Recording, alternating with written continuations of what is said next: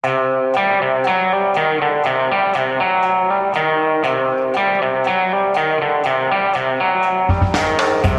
og Biden barket sammen i natt i den mest kaotiske presidentdebatten noensinne. Dette er Giæver og gjengen en svært tidlig morgen på onsdag den 30. september 2020. Ja, jeg har med meg uh, på link her Hanne Skartveit og Per Olav Ødegaard. Vi har sittet uh, midt på natta, svarte natta, og, og sett presidentdebatt uh, fra USA. mye å si om den. Hanne, du først. Hvordan vil du oppsummere debatten? Det er den villeste presidentdebatten jeg har sett noen gang, med Donald Trump som avbrøt og avbrøt og hadde både kroppsspråk og en tone og disse avbruddene som var bøllete og helt unpresidential, som man kan si. Eh, per Olav, du? Ja, I tillegg så så vi også en Joe Biden som var eh, langt mer offensiv og brukte mye tøffere karakteristikker av presidenten eh, enn noe av det vi hørte han gjøre i debattene i løpet av primærvalgene, hvor han ofte ble beskyldt for å være litt passiv og litt ta imot kritikk. Det gjorde han ikke denne gangen. Han var veldig offensiv og på hugget, vil jeg si. Ja, det, det, vil jeg også si. Altså, det mest spennende her altså Trump er Trump. Han var kanskje enda mer uh, unhinged enn han pleier å være. Men spenningen knyttet seg jo uh, til Biden. Og Trump, dette er problemet til Trump. Han har lagt forventningene uh, så lavt for Biden. Nærmest framstilt han som en dement gammel mann. Og Biden var veldig offensiv, og han gikk ganske langt, må man jo si, i karakteristikker av presidenten. Tror ingen presidentdebatt har vært så hard i karakteristikkene av den sittende presidenten. Kalte ham rasist. Uh, he can't keep his word. Uh, he's a fool. Uh, oh, shut up, man, sa han. Riktignok, man kan jo skjønne at han fikk behovet for å, å, å si det. Og på mange måter var den virkelige helten i denne debatten var jo Chris Wallace fra Fox News, som prøvde å holde orden på dette. Og det var ikke lett, og du så han måtte jo flere ganger gripe inn og si Mr. President, særlig til Donald Trump. Det er jeg som styrer på et tidspunkt sa han skal vi bytte sete, kanskje vi kan godt gjøre det. Eh, for det var helt umulig å styre den debatten. Det, det virket litt på meg som om uh, Trumps uh, strategi fra starten der var å avbryte å prøve å hisse opp Joe Biden uh, og prøve å få ham på en måte ut av balanse. Det, sånn virket det på meg. og Han, han, han trakk med én gang, nesten så fort han fikk ordet inn, dette med at Biden var da i allianse med sosialistene som skulle da ødelegge Amerika. og, og, det, og i store deler, og, og, Biden gjorde det noen ganger. Han lot seg hisse opp og bruke uttrykk og sånn som har vært ukjente for han til nå. Eh, men samtidig så var Biden ganske god på det at han ikke snakket så mye direkte til Trump, han snakket mer direkte til de som satt og så på. Mens Trump var mer vendt mot Biden og hele tiden på eh, angrep eh, mot ham, så snakket Biden, i gode perioder i hvert fall, mer direkte til folk. Ja, og det var nesten litt rart. altså Det er jo, vil jeg tro, liksom A-en i ABC for uh, politiske debatter. Vi husker Carl I. Hagen revolusjonerte TV-debatten i Norge i sin tid uh, ved å henvende seg, se rett i kamera og snakke rett til folk. Det gjorde ikke Trump i det hele tatt. Han bare sto og så på Biden og himlet med øynene og lagde grimaser, mens Biden hele tiden snur seg uh, og snakker direkte til velgerne og snakker om hvordan vi Jeg vet hvordan dere har det, og jeg kommer selv fra Scranton, Pennsylvania, og sånne ting. Så sånn sett så kjørte han en ganske klassisk Eh, presidentdebattduell, mens, mens Trump holder jo på som om han er i opposisjon.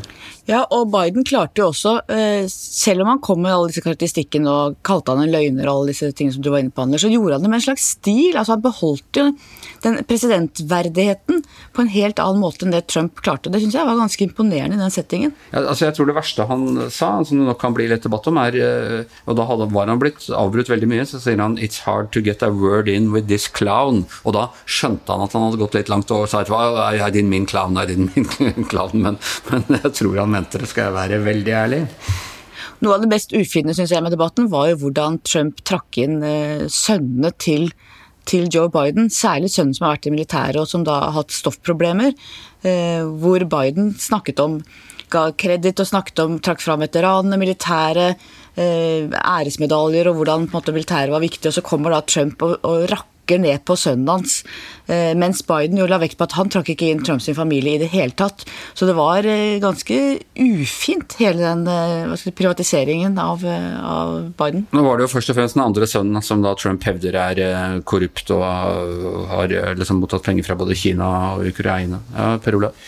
Ja, altså dette denne debatten som varte i litt over 90 minutter, handlet jo om seks helt klart definerte punkter, som handlet om politikk og viktige saker for USA.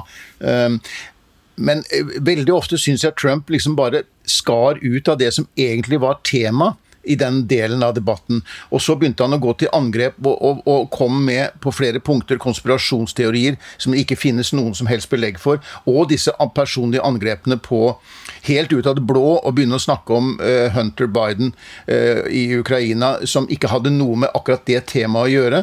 Uh, og mens, mens jeg syns Biden var bedre til å snakke direkte om de sakene, de temaene som var oppe i, i løpet av debatten, disse seks hovedtemaene. Hvis vi ser på hva som skal peke videre framover, så var det jo dette faktum at eh, Trump ikke ville svare på om han ville eh, respektere valget, eller om han ikke ville heller erklære seg til vinner på valgnatten, var én ting som jeg tenker eh, peker framover. Og så var den innledende delen om Høyesterett, hvor Joe Biden ikke ville svare ordentlig på om han faktisk vil utvide Høyesterett hvis han får makten. For det kan man jo. Det er ni dommere i USA, høyesterettsdommere, men det er ingenting i veien for at man kan utvide det antallet og dermed på en måte justere ut det konservative flertallet man nå får. Det vil ikke Biden svare på. De to tingene tenker jeg henger litt og blir veldig interessant å følge framover. Og det som er synd, er at altså, innimellom var det sånne små øyeblikk av virkelig interessant debatt uh, som det der, men det, men det, altså, det gled ut i det, i det rene, uh, rene kaos uh, hele tida. Jeg hørte Jake Tappert på, på CNN sa at det var en brann på fyllinga inni et sirkus. og, det, og, og, de begynte å spekulere om det i det hele tatt blir, blir flere debatter. Men det er én ting jeg lurer på, og det er Tror dere det har noe som helst å si? Altså, eh, jeg tror ikke Trump verva en eneste ny velger, men jeg tror ikke han støta fra seg altså, uh, disse her som vil stemme på han uansett om han skyter folk på 5. Aveny, eller hvordan han, selv har karakterisert dem. De er godt fornøyd med dette her. det, og, og, de som er på Bidens side, kan være noen av de som liksom nærmest har trodd på, på påstandene til Trump om at han er dement, som nå tenker at vel, han så ikke så verst ut, men ellers Tror dere dette vil flytte meningsmålingene noe? Per Olav først. Eh, nei, jeg tror ikke det. Jeg tror dette mer befester det inntrykket vi har hatt. Men det er først og fremst et problem for eh, presidenten, fordi han ligger etter i nesten alle målinger, og betydelig etter. Og han ligger også bak i en del av disse viktige vippestatene. Sånn at eh, han trengte egentlig å gå ut med en klar seier i dag. Og en av de tingene som er veldig interessante i meningsmålingen nå, er at det er så utrolig stor forskjell på hvordan menn og kvinner sier de kommer til å stemme denne gangen. Han har et veldig underskudd når det gjelder kvinnelige stemmer. Jeg tror ikke han vant noen flere flere i dag. Så det er først og fremst et problem for Trump. Hva tror du, Hanne? Vi skal også huske at det er jo fortsatt tvilere igjen. Og det er klart at eh, når Biden frir sånn til eh, folk i vippestatene, folk, eh, vanlige folk, arbeidere, folk som mister jobben og går veldig inn på ditt liv, din økonomi, din helse, så er det klart at det treffer nok særlig de altså, mindre eh, ressurssterke av Trumps velgere som kan føle at det treffer. Han var jo veldig inderlig og empatisk, snakket til velgerne på en måte som Trump ikke gjorde. Så man kan jo tro at noen av tvilerne kanskje tok et valg i kveld. Det skal bli spennende å se meningsmålingene. De, de måler jo dette øh, fortløpende, så det får vi nok øh, se i, i løpet av dagen. Men jeg tror også det kommer til å bli en ganske stor oppvask om hvordan man avholder de debattene. Eh, det var i hvert fall mitt inntrykk. Jeg var svingt innom både Fox News og, eh, og CNN, og begge var, var, veldig opptatt av kaoset. Vi er jo VG, vi må kaste terninger.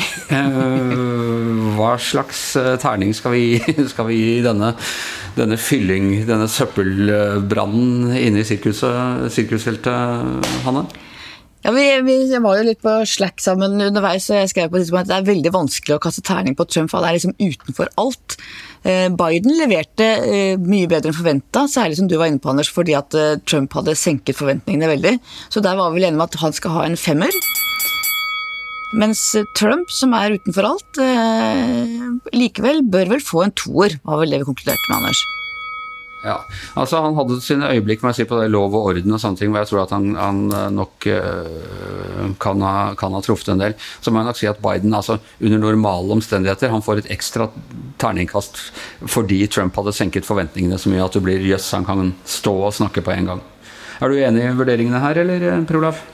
Ja, jeg, jeg, var litt i tvil om Bidens opptreden var verdt en firer eller en femmer. Eh, men han eh, var i hvert fall eh, Alle disse påstandene tidlig i valgkampen om at han var helt eh, håpløs som kandidat og ikke knapt nok eh, evnet å formulere seg, det, det, fikk han i hvert fall tydelig motbevist. Eh, og jeg syns Trump er det vanskelig å sette karakter på, men han, med den måten han opptrer på, så er det maks en toer, etter min mening. Kanskje en svak toer også. Jeg må jo si at bare det siste poenget som var oppe der, med hvordan du skal, om man skal respektere valgresultatet og om man kan godkjenne et valgresultat. At det i det hele tatt er en lang debatt om det temaet. Og Trump som sier dette kommer ikke til å ende godt, det syns jeg sier veldig mye om dette valg, eh, valget i år. Jeg må egentlig si at eh, det, den terning fins ikke egentlig som er egnet å bruke på, på, Donald Trump. Den er liksom, Da må du i de der rare spillsjappene med sånne eh, 16-kantede terninger og sånne ting. Så må jeg at jeg var jo også litt nervøs på forhånd på hvordan Biden faktisk kom til å gjøre det. Det tror jeg vi alle var.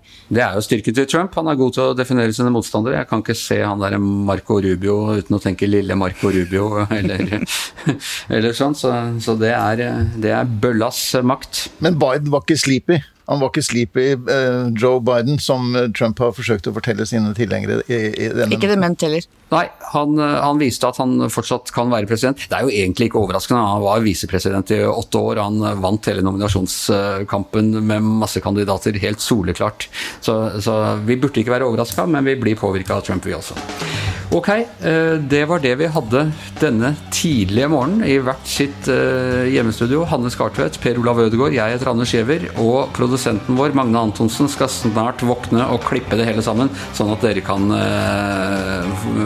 få høre det på vei til jobben. Vi høres igjen senere.